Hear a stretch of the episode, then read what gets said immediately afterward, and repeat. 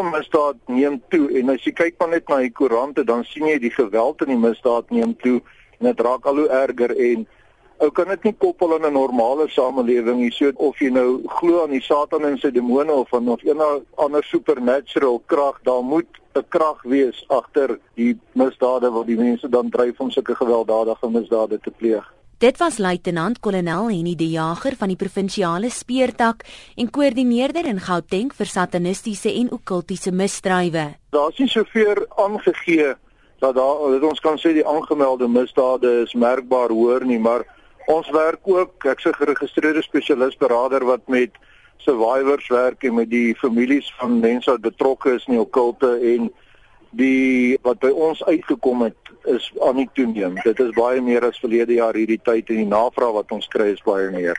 Die aard van die misdade verander ook.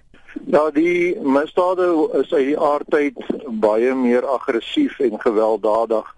En uh, in die verlede was dit nie so ernstig nie, maar geweld is definitief aan die toeneem. En natuurlik sal daar ontkenning wees van die donker kant af wat hulle betrokke is want hulle is bang vir vervolging, maar soos die sataniste so het elke religion as sou dit so kan stel het sy vrot appels en ons eenheid doen was nie meer bekend as die okkulte eenheid nie maar as die harmful religious practice unit. En elke geloof het maar sy manier wat hy iemand anders beïnvloed.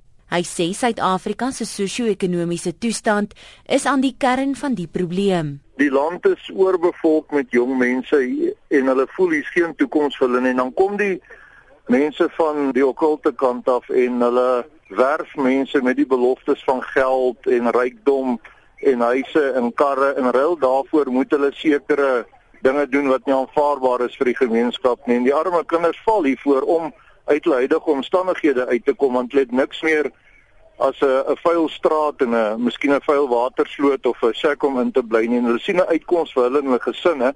Nou wie einde van die dag doen die kinders die vuil werk en die kerk of die religion kan dan nie die skuld daarvoor dra nie en hulle kry op die einde van die dag nooit dit wat hulle beloof het. Die jager sê egter sommige misdade word verkeerdelik as satanistiese misdade aangesien en dat misdadigers die geloof bloot as 'n verweer in die hof gebruik.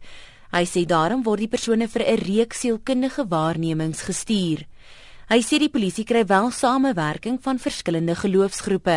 Want in die okkulte soos ook in Christendom word jy sekere dinge geleer en as jy dit verkeerd toepas dan kan dit verrykende gevolge en kan dit tot nadeel van ander mense strek.